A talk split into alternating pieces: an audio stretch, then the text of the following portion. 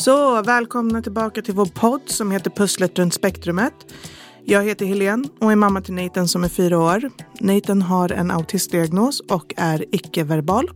Och mitt namn är Dalia och jag har en son som är sex år gammal som heter Malik. Och han har även autismdiagnos. Ja, och nu ska vi eh, köra med avsnitt tre. Där vi kommer att gå igenom utredningen lite mer detaljerat. Hur det gick till för oss. Eh, ja, då sätter vi igång. Nu kör vi.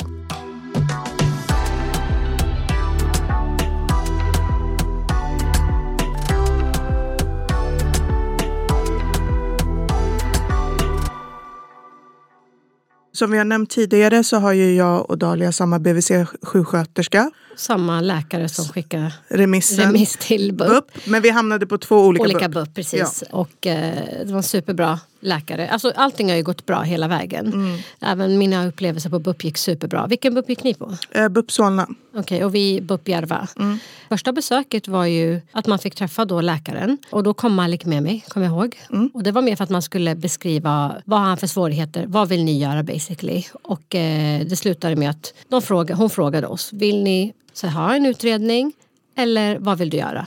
Vad ställdes det för frågor eh, för er under det här mötet? Det var ett liksom, öppet samtal. Vad är det, varför känner ni att ni vill sätta igång med en utredning eller varför är ni här? Vad har Malik för svårigheter i vardagen? Och till slut frågade hon mig, vad vill du göra? Och när hon ställde den frågan, jag trodde faktiskt inte Helena, att- jag trodde att de skulle bestämma om man ska göra en utredning eller inte baserat på det samtalet. Men det var mer att du bestämmer vad du vill göra. Och vi satte, sa ja, vi vill sätta igång med en utredning. Och varför, eh, bara för att ge lite Mm. kött på benen då till de som lyssnar. Men varför var det så viktigt för dig att komma igång med en utredning? Det var ju för att Malik skulle börja nollan i augusti då, 2023. Och jag var så himla nervös inför att han inte skulle få en diagnos. Och det här läkarbesöket skedde då i december 22. Yes. Okej. Så det var liksom brytpunkten eh, innan nyåret. Och jag trodde, för att så som vi sa på avsnitt ett, att det tar så lång tid, kötiderna. Så jag visste inte vad det här innebar. Kommer utredningen sättas igång på en gång? Men jag kommer ihåg att du sa till mig när man väl har gått på det här besöket, Dalia, du kommer få tiderna ganska snabbt. Ja. Eh, Det blir som ett färdigt schema. Ja, då kände jag mig ganska trygg med att ja, men han kommer nog få en diagnos innan eh, sommaren. Ehm, vilket han fick. Och vi fick faktiskt alla våra tider. Vi fick kallelsen, jag kommer ihåg att den 10 december fick vi hem en kallelse. Och då stod alla de här tiderna. Med eh, läkarbesök, psykologbesök, återgivningen. Så att allting stod där på svart och vitt. Så att jag kontaktade min arbetsgivare och bara de här dagarna kommer jag vara ledig, borta. Det var inga konstigheter där. Jag måste bara, jag sitter här och ler och tittar i mina notes. För att jag och Dalia, vi har eh, likheter i vår resa. Ja. Och vi gick igenom samma resa fast ett år emellan. Och nu sa du 10 december och jag börjar le för att vårt Varför? första BUP-besök var 10 december. Nej, är det sant? Ja.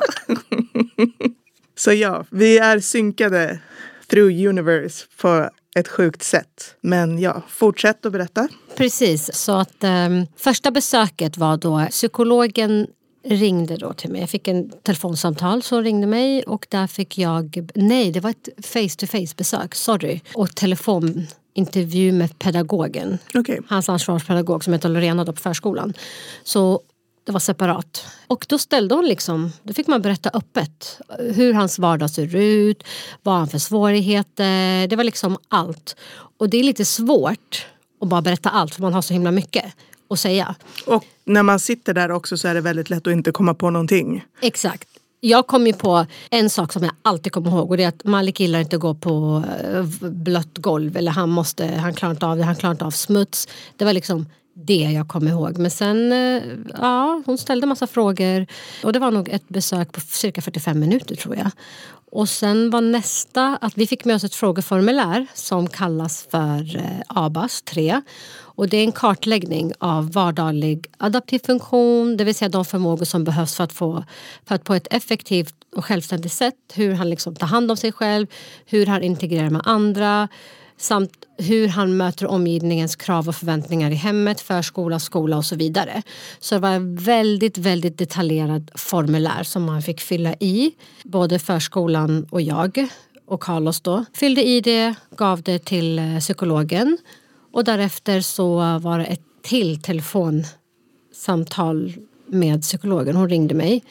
Och då var det också ett samtal på 45 minuter där man gick igenom följdfrågor om hon hade något extra hon Men undrade förtydligande. förtydligande. Och sen var första besöket med Malik den 9 januari faktiskt. Mm. Och det var då, det för att göra en bedömning av Maliks kognitiva förmåga. Så det är ett intelligenstest man gör helt enkelt. Och då använder det sig liksom av ett psykologiskt mätinstrument som då är individuellt med syfte att bedöma hans kognitiva förmåga helt enkelt. Och jag kommer ihåg att när vi kom in i det rummet så visste jag direkt Malik kommer inte samarbeta. För han var intresserad av, vem är du? Vad ska vi göra? Och jag visste direkt att det här kommer inte fungera. Så jag var tvungen att ringa Carlos. För jag hade ingen kontroll över situationen. Jag visste att eh, jag visste ju liksom hur det skulle gå. Men ibland så glömmer man. Jag var i en sån här eh, ställning där jag var försvar. Du vet man hamnar i en sån här försvarsställning. Man ska förklara sig. Ja men han gör så på grund av det här. Och alltid, alltid när man går ut så ska man försöka förklara varför han beter sig och gör på ett visst sätt. Och då hamnade jag i en sån där situation igen och försökte förklara för en psykolog. Och glömmer att men vi är här just för det här. Vi ska utreda honom. Hon vet att han, om han gör på det här viset eller beter sig, it's fine. Så hon kollade på mig lugnt och hon bara det är lugnt, alltså vi, det går bra. Men jag ringde Carlos i alla fall, körde Facetime och han lyckades lugna ner honom och få honom att samarbeta. Men sen när vi la på, samma sak igen. Malik samarbetar inte alls. Men han gjorde så gott han kunde och psykologen sa att jag ser ju att han kan det här men han är bara, he, he, han vill inte samarbeta med mig för att han känner inte mig. Men det är inte heller så himla konstigt. Och andra besöket eh, med psykologen var också ett ytterligare kognitivt test som man gjort. Så det är uppdelat på två besök. Och det är väldigt intensivt när man sitter där för honom. För hon sitter där och liksom tajmar honom och eh, lös det här och kan du göra det här pusslet. Och det var liksom bam, bam, bam, ganska intensivt. Och sen så kom vi till eh, det tredje besöket då som var den 19 januari. Nu berättar jag liksom alla datum så att man kan hänga med. Bara för att visa hur snabbt det här faktiskt gick. Och då var det en läkarbedömningen. Eller Ja. läkarbesök. Ja. Där man gör en fysisk undersökning. Ja, men kontroll. Det är väl Gjorde Nathan likadant också då? Ja, vi gjorde likadant med Nathan. Så det var väl så här längd, vikt, Ja. kolla att reflexerna är Precis. med. Och liksom, det är inte någonting som avviker. Som är Exakt, tydligt ja. kroppsligt Ja. avviker. För då kan det ju vara något genetiskt eller så kan det också vara en annan diagnos som är underliggande. Precis, och även där kan jag säga att det gick bra. Men även där var han intresserad av att allt annat som var i rummet. Och sen så kom vi till sista besöket då. Och där var det eh, den 23 januari. Och det här besöket var då för att kolla hur han samspelar. Det var samspelsbedömning. Observation av eh, hans kommunikation, sociala interaktion och hans fantasiförmåga. Och jag kan säga till dig att det där besöket Helene, det var det jobbigaste tror jag. Intelligenstestet tyckte inte jag var så jobbigt förutom att jag blev bara stressad av att jag inte hade kontroll över situationen. För då var det hans, den ansvariga psykologen, hon satt där och observerade. Och så var det en annan psykolog som var med som skulle liksom samspela med Malik. Hade de lite olika leksaker. eh, Hon försökte liksom samspela med honom. Men det gick inte. Det var så tydligt att han var han var inte intresserad av att leka med henne. Han fastnade för en leksak, försökte liksom bygga en sak och försökte liksom lösa det och fastnade liksom där. För jag försökte komma in. Jag kommer ihåg att jag ville lägga mig i och bara Malik. Och hon tittade på mig direkt, hon psykologen som var med i själva, eller nej, hon som observerade tittade på mig. Hon bara gjorde så något med handen, bara Dahlia, låt, alltså lägg dig inte i. Just nu så ska du också bara observera. Och det var jobbigt, det besöket. För då såg jag min son, alltså det här, det här autistiska var så tydligt. Det var så tydligt. Det fanns inget samspel. Nej, det känns som om ni har haft tur. För man hör ju ofta om skräckhistorier. Jag menar, er utredning gick ju mycket snabbare än våran. Ja. Och våran gick också väldigt snabbt om man jämför med andra situationer. Men hur känner du att du blev bemött under hela den här utredningen? Superbra och det var bra att du ställde den frågan. För jag kan säga så här, första gången jag gick och satte mig där i BUP, väntrummet. Jag visste inte, det var det här första besöket när jag skulle träffa psykologen. Jag kommer ihåg att jag satt där och det var flera ungdomar som var där. För det är BUP, det är barn och ungdomspsykiatri. Alla är där för olika anledningar. Men jag liksom började titta på allt. Och, alltså jag tittade på alla i rummet. För jag tänkte så här, "Jaha, Jag gjorde likadant. jag gjorde också det. Och jag kommer ihåg att det var en ung tjej som satt bredvid mig. Och hon såg så helt nervös ut. Och jag tänkte, varför är hon här undrar jag. Och de var så fina alla psykologerna. Eller de som jobbar där kom ut och bara ropade på dem så här jättefint. Och föräldrarna som var där var också så jättefina. Men det var första gången jag var i ett rum det är, inte, alltså det är här jag kommer vara nu med Malik framöver. Det är bara att vänja sig vid den här miljön. Och det var så okänt för mig, BUP. Men jag kommer ihåg att jag bara tittade på alla runt omkring mig och tänkte, jag var så nervös. Och det var första besöket. Och sista besöket måste jag säga, vi kommer gå in på det nästa avsnitt. Men det var så roligt, jag satt där. Och det, jag var så nervös för då skulle vi få svar. Och så ser jag en jag känner där. En, alltså en, ehm, en släkting, eller vi är familjevänner. Han är några år yngre än mig och, han sitter, och jag ser att han är i tjänst för han är där med en ungdom. Han sitter på andra sidan. Så kollar han på mig och jag kollar på, och jag vet att han tänker, vad fan gör du här?" Och jag tittar på honom och jag bara, jag vet varför du är här. Du är här i tjänst med den här unga killen. Så ställde han sig upp och jag bara, hur mår du? Bla, bla. För han jag har inte sett dig på dagen du flyttade tillbaka från London. Det var det så här lite kallprat. Och han frågade inte varför vi är du. Och jag bara, jag ska underlätta för dig varför jag är här. Jag bara, men jag är här för att uh, Malik är under utredning. Och så han bara, okej. Och han visste inte hur han skulle reagera. Alltså, han visste inte vad han skulle säga för någonting. Men det var första gången jag liksom sa till någon, ja men, ja, men vi är här under utredning. Det var lite mer verkligt. Det var första gången du hade... Ja, men samtidigt vet jag ju inte om han skulle få diagnosen eller inte. Nej. Bra bemötande. Alltså från start till slut. De har varit så bra. Allt ifrån receptionen. Varje gång man ringer in så svarar de. Alltså det är ingen kötid. Det går så snabbt. De hjälper dig med allting. Alltså det har varit så himla bra. Jag har ingenting ont att säga om dem. Jag har ingenting att klaga på. Jag vet Nej. att man får höra så mycket. Men de som jobbar där, servicen. Allting var superbra faktiskt. Så jag är nöjd. Du får gärna berätta hur det var. För det var BUP Solna va? Ja, BUP Solna. Vi började också i december, gud vad var det, december 21 hade vi vårt första BUP-besök. Och då var det bara föräldrarna. Så att det var jag och Najim. Det var, den, ja, det var den 10 december. Ehm, och då är det ju precis som du nämnde. Man går in och berättar egentligen Mm. hur man känner och vad man har sett och vad man är orolig för. Och jag kan säga att jag kände väldigt mycket skuld under det samtalet. För det kändes som jag klagade på min son. Mm. Och det var jobbigt för mig. Najim var eh, mer lugn. Han var lite mer... Han hade nog inte smält idén Mm. än kring att det kunde vara en diagnos. Men han var på plats Mm. och liksom backade mig. Men ehm, efter det samtalet så ville hon träffa Nathan. Mm. Eh, så vi fick en ny tid en och en halv, två veckor efteråt. Och det var 21 december precis innan jul. Så fick hon träffa Nathan. Och Nathan var ju, vi kommer ihåg att vi kom in på BUP. Och i BUP Solna så är det en rutschkana och så är det akvarie och böcker. Han var så här wow, lattjo lajban. Tyckte det var så roligt. Och han är inte nervös för nya miljöer. Det har han aldrig varit. Det är ju Malik. Det är därför han blir väldigt så här sprallig och springer överallt. Det för att han är nervös. Ja. Nathan blir hype och springer runt överallt för han tycker det är skoj. Liksom. Så att han var ju nöjd när vi satt där i väntrummet och så går vi in eh, längs korridoren in till psykologens rum och då ska hon bara observera honom för att se det vi har sagt matchar eh, verkligheten, det hon ser själv. Då var det mer, det var leksaker, såpbubblor och så vidare och det var ju mer eh, att hon bara skulle observera. Och han var ju inte så intresserad, under den tiden var han inte så intresserad av leksaker utan det här var väldigt högt upp. Det kanske var så här femte, sjätte våningen. Så han, satt ut, han klättrade upp och tittade ut på utsikten och sen så tog hon fram det som funkade för honom och det är ju såpbubblor och ballonger då. För att fånga hans intresse. Men eh, hon kände väldigt tydligt att eh, vi eh, borde starta en utredning. Ja, då hade ni uppdelat på två besök. Första besöket bara du och... Bara föräldrar, andra Ah. besöket med Nathan. Och eh, i och med att det var jul, det här var också under pandemin, så eh, sa hon det kommer ta lite tid men jag kommer boka upp alla tider, det här tidsschemat då. då Så att eh, utredningen, ni har ett, ett start och ett slutdatum. Men det kommer ta lite tid.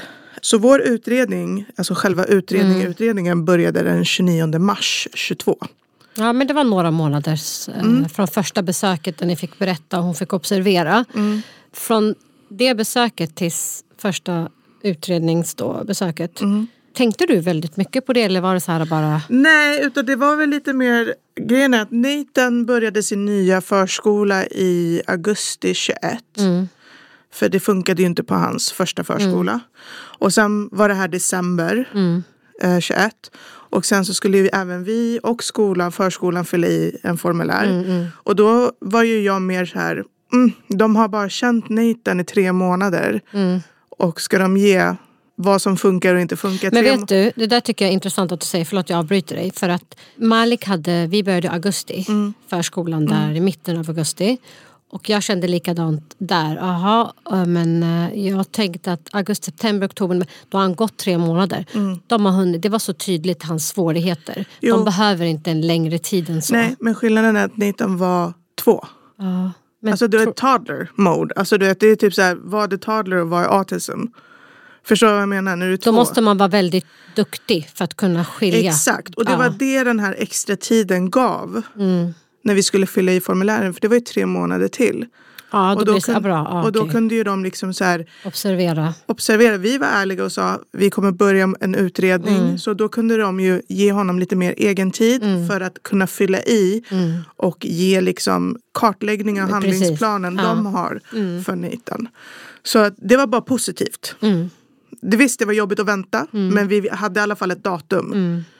Och jag menar, pandemin är lika med vårdköer Mm. och det hade kunnat ta så mycket längre tid. Så, men jag, jag är supernöjd. Mm. Men som sagt, vi började vår BUP-utredning då den 29 Mm. mars. Och då så var det bara vi föräldrar första Mm. gången. Ja, men bara prata om förändringen från december till Mm. mars. Andra besöket var dagen efter med Nathan. Mm. Och då var det mer eh, det här eh, social interaction. Mm. Att observera och att psykologen skulle försöka connecta med Nathan och se samspel. Var det, var det som i vårt fall två psykologer? Eller var det, bara, Nej, det var bara en. det var bara hon som... Det var bara okej, en och ja. vi var i liksom det här lekfulla rummet Mm. och hon försökte viba med honom. Och det gick väl sådär. Han var inte så intresserad. Mm. Men eh, hon gjorde ett tappert försök. Mm. Nej, men det, det är som jag säger till dig, man kan antingen skratta eller gråta när man sitter där. Ja. Sen så var det ju påsk och så satte vi igång igen typ mitten av april. Mm. Och då fick Nathan göra det här liknande, inte intelligenstest full-blown som uh, Malik gjorde. Mm. Utan Men lite förenklad version. förenklad version. Mm. Så det var något pussel, det var lite imitering. Och jag var ändå imponerad. För Mm. Nathan, han har aldrig lagt pussel. Alltså framför mig. Jag, han har tusentals pussel. Men han vill inte lägga pussel. Mm. Nej. Och liksom, han klarade av hälften av uppgifterna. Mm. bra. Vilket jag var jättestolt. Mm. Jag, halva mig var typ så här, han klarade bara hälften. Mm. Och andra hälften var typ så här, han gjorde saker jag inte visste att han kunde. Mm. Vilket imponerade mig. Mm, nu blir du så här tårögd, jag ser det. Ja, men det är när han la det där pusslet, du vet. För du hade aldrig sett det och du trodde inte att han klarade av Nej. det. Mm. Så det var, det var faktiskt fantastiskt. Och hans pappa var med på Facetime. Mm. Och han var också så här efteråt, vi var så här, åh han klarar pusslet, Mm. wow. Alltså det var typ så. Så ja, det var spännande att se. Och sen slutet av april hade vi det här läkarbesöket vi Mm. precis har gått igenom. Det jag kommer ihåg från det mötet är att Nathan tyckte det var jättekul där med reflexen. De tog den här hammaren på knät och benet. Mm, Han, han var ju superfascinerad så han satt ju och knackade på sig själv och undrade varför benet inte hoppade. Liksom. Men det läkarbesöket gick bra. Mm. Men efter det läkarbesöket, vad var nästa? Nästa steg var då att vi skulle få diagnosen och det var den 11 maj. Så Okej. vår resa tog typ två månader också. Men det var ändå ganska likt vårat. Mm. Skillnaden var bara att vi hade, alltså intelligenstestet var på två besök. Mm. Eh, Och det var så full-blown intensivt. Ja. Och det- Malik var ju äldre också, han var ju fyra år, eller nej, han var ju fem år gammal. Mm. Nathan var Många. två. Och sen var det läkarbesöket och sen så var det det här samspels eh, observationsbesöket. Och sen kom återgivningen. Mm. Så vi hade väl, ja, det var ungefär samma, men kanske mindre besök hos er för att han var mycket yngre. Nej men jag tror att vi hade liknande, Nej, liknande antal besök. intelligenstestet tog två Ja du menar delar. det. Ja. Och ja, nej, eh, det, det, ja. det, det togs upp att uh, Nathan var för liten för att göra liksom, det Mm. fulla eh, intelligenstestet för att, i och med att han var två. Så den delen kommer vi ta igen när han blir äldre. Eh, jag tror- Mm. Innan han började, eller mm, innan han började skolan. Innan han började skolan, precis. Och det är jag tacksam för. För att Mm. Nathan var två och i sin dimma. Så att det hade nog inte gett så mycket att göra det testet. Och det Nej. Mm. såg psykologen också. Hon sa jag tror inte det kommer ge någonting. Så varför utsätta honom för det liksom? Ja, men gud, du fick mig att tänka på en sak Dahlia. Mm. Och det var det här, dina känslor där i väntrummet. Jag hade en liknande upplevelse. För att jag såg mest ungdomar i Mm. Ja, väntrummet exakt. på BUP. Ja. I alla fall, jag skulle väl säga typ så här 10 till 17-18. Ja men det var samma för mig. Det var bara en gång jag såg ett barn Maliks ålder. Ja, jag tror också det var en gång jag såg ett och de litet- skulle också litet göra samma, de var under samma utredning. Ja. Men det är ju barn och ungdomspsykiatrin. Jo, men jag menar, det, den känslan Mm. jag fick var, som du sa, så här kommer min framtid se Exakt. ut. Men sen så kände jag också en annan känsla, vilket var, i och med att jag inte såg barn i Nathans ålder, så tänkte jag, gud det måste vara jättefel på Nathan. För att han är här så ungt. Medan Ja. de andra är äldre, så mycket äldre. Precis som vi har sagt i tidigare avsnitt, jag ha- hade väldigt mycket okunskap kring Mm. Samma autism. Mm. Och sen så började utredningen och känslor kring en utredning och bara okej men jag ska få reda på om det är någonting med mitt barn eller inte. Och sen så ser man de här barn och ungdomarna med sina egna svårigheter. Och ja, men bara livet. Och det kanske inte är jättejobbigt för dem men att de är lite annorlunda. Och då blir det, det blir att sitta i ett sånt rum det blir lite av en reality check. Ut, utöver att det blir, jag är här för att utreda min son, så sitter man och får liksom blickar i framtiden och Exakt. börjar Ja. fantisera om vad livet kommer vara. Mm. Och det tyckte jag var lite jobbigt att göra själv. Men jag måste bara fråga en sak. Har du känt att, nu är i och för sig Nathan mycket yngre än Malik och Nathan är väldigt olik Malik. Han är inte så här uh, unpredictable när du tar honom till nya miljöer och så vidare. Men eh, har du känt så här att du alltid måste förklara dig när du går ut med Nathan? Som jag hamnade i den här när jag träffade psykologen första gången. Att jag liksom var så himla conditioned att jag var en sån mental försvars... Att man alltid ska försvara. Han gör så här på grund av att he might be autistic. Det är därför han gör så. Ja, eh, och, ja. 100 procent ja. Och jag kan säga att ehm, för mig var det ju mer, det var inte miljöerna utan det var att Nathan inte reagerade på sitt namn. Nathan tittade inte och Nathan pratade inte. Så det kunde vara det när man sprang på honom man kände som bara hej Nathan, hur mår du? Och han du tittar till höger. Och då, var det, då blev det att man skulle förklara till att han inte var rude eller, utan att det var mer it is something. Det är så stor skillnad på bemötande man får. För jag har fått allt från han ser inte autistisk ut till, och jag kommer ihåg det här, jag var på min kompis brors 40-års fest. Och då hade vi precis fått diagnosen. Och du vet, alla bara, "Sh, du vet, hej Nathan, du vet så. Alla är gulliga. Men så fort jag sa till dem, liksom, han har autism. Vi har fått reda på att han har autism. Så han reagerar inte på sitt namn och så. Det var så många som gick ner alltså, i huk. Och det är det man För att komma i ögonkontakt. Men Nej men det var så fint att se. För det var, jag tror att det var första gången jag såg det. att de direkt bara... Ja, att det var typ så här, han, han lyssnar inte, han reagerar inte, han måste se dig. Så då var det så här, alla gick ner liksom i huk eller liksom gick nära. Försökte fånga ansikte eller eh, försökte fånga uppmärksamhet, få hans uppmärksamhet. Och sen så var det hej hej och liksom trevligt bemötande. Och då kändes det så här, alltså this will work. Än att det är ett stort problem. Mm. Men det är också för att man har... Du vet när man säger it takes a village to raise Ja. a child. Alltså det gör verkligen det. It takes a village. Och det känner jag mer och mer av när vi flyttade tillbaka till Sverige. 100 procent. I och med att jag har mina föräldrar, mina syskon, mina barndomsvänner. Deras, alltså jag har hela, min hela community. Visst har jag, I London har jag min mans community. Jag har skaffat mig en community men det är inte på samma vis. Och eh, det du säger, det är samma med mina vänner här.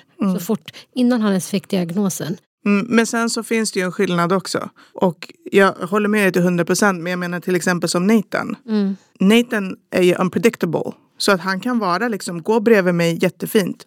Och sen så ser han en fluga två kilometer bort. För att han har någon jävla supervision. Och bara springer rakt ut bland bilarna. Och när jag skriker stopp, he doesn't react. När, när man har ett syskon som har speciella behov. Du kommer ju få barn nu, andra barnet. Och du kommer säkert få se det om några år.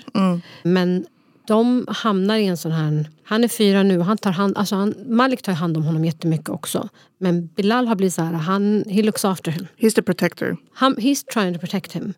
Och eh, vi kommer gå in på det här lite senare med förskolan och så vidare. Men under utredningens gång, eh, glöm inte att vi började i augusti. De kände inte mig. Pedagogerna har precis lärt känna mig. Augusti, september, oktober, november, december.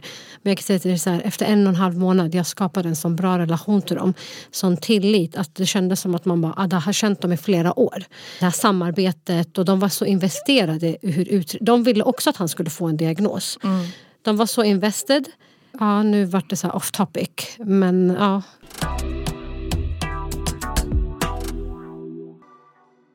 Nu har vi pratat om själva utredningen. Nästa avsnitt kommer handla om utlåtandet, själva diagnosen. Mm. Få det på papper liksom. Och känslor kring det och landa i en diagnos. Mm. Men eh, Dahlia, innan vi avslutar vill jag kolla med dig. Vad är eran win of the week? Just det, det känns som att man har haft ganska många win of the week, thank God. Mhm. Men denna är väl att eh, Malik har ju inte varit så himla brydd med att, det här med kompisar och så vidare. Han eh, är nöjd i sitt eget sällskap helt enkelt och ibland kan hoppa in och ut, dip in and out i olika grupperingar på förskolan eller om man är på lekparken. Men han fyllde i år i september, eh, fyllde sex år. Vi gjorde inget kalas, det var bara familjen. För jag har aldrig känt något behov. För han har ju inte nämnt några specifika, jag vill bjuda den här eller den här. Men nu på slutet så har han börjat bli lite så social, skapa lite connections med folk. Med egna relationer. Skapa egna relationer i klassen och ifrån förskolan. Och jag tänkte, vet du, låt mig göra en liten så gathering för honom. Inget födelsedagskalas. Men eh, han gillar att gå på bio. Så att jag tänkte vi eh, hyr in oss. Det här vi, det är här vi poddar, poddstudion. Och jag kommer ihåg när vi kom hit första gången, jag såg den här lilla biografen och jag bara, men gud det här är ju jättemysigt. Så att eh, jag fixade en liten gathering för honom. Han, faktiskt, han fick säga vilka han ville bjuda. Han sa de namnen från hans förskola som han hade gått med, för de går nu i en annan skola, Ursviksskolan. Och så fick han välja ut några som han går med nu. Och det var totalt tio stycken. Alltså det var jättebra. Alltså jag var så liksom glad över att åh gud, det här är för Malik. Tänkte att de kan käka lite pizza och miniburgare. Sen kan de gå in till biografen och snacksa lite. Och han har verkligen valt jättefina personer. Så fina barn, så omhändertagande Helene. Och man blir så glad för att han är inte alltid där och samspelar med dem, interagerar. Men de har accepterat honom för den han är. De är så här, hej Malik, my friend. Så här. Men de har liksom accepterat honom för att han är, det här är Malik. Han, Men de ser ju också honom som en person och inte en diagnos. Exakt, och jag tror också att det kommer hemifrån. Föräldrarna är också förklarar, för barn ställer ju, men varför gör han sådär för? Och då förklarar kanske föräldern, aha, då är det inget mer med det. Man sätter liksom ingen värdering på det, man dömer inte. Och eh, de var jätteglada. Ehm, sen när jag skulle lämna honom veckan efter till skolan, efter att han hade haft sitt lilla event, så kom den, en av pojkarna fram till honom och bara Malik, tack så jättemycket för kalaset, det var jättekul. Men eh, det var vår win of the week och det är liksom, eh, ja, han utvecklas och det känns så bra. Eh, men what's your win of the week? Min win of the week involverar Nathans pedagog. När man säger puss eller kram till Nathan då kommer han ju fram och ställer sig, typ, han trycker fram pannan när man säger puss. Och eh, när man säger kram då liksom trycker han kroppen mot dig. Men vi har lärt honom på sista tiden när man kramas så ska man krama runt halsen. Så då återigen är det att man går ner i huk. Och säger kram och då kommer han att liksom krama runt halsen. Men nu har han börjat fatta grejen så att han kramar ju hårt. Och liksom så. Och eh, så hämtade jag Anita på förskolan. Och då var hans pedagog nere och plockade undan på golvet. Och hon bara, Anita kan jag få en kram? Och han sprang från ena sidan till den annan och hoppade i hennes famn och kramade henne runt halsen. Och man såg hur tagen hon blev. För det var första gången han kramade henne på det sättet. Och då var hon typ så här, I'm done. This made my day. Liksom, typ så. så att det var väldigt fint att få bevittna det för att hon tar så väl hand om Nathan. Och man glömmer ju om honom. att hon är ju också med i den här resan. Oh ja. Hon ser ju allt det här. Och Oh jag, ja. nu, nu det blir så här tårögd Ah, igen. Ja. Du, Folk förstår inte de här saker som man tar för givet. Mm, För oss, det är stort. ja. Men ska vi runda av här? Oh. Och så syns vi till nästa avsnitt, avsnitt fyra. Mm. Ha det bra, hej då! Ja.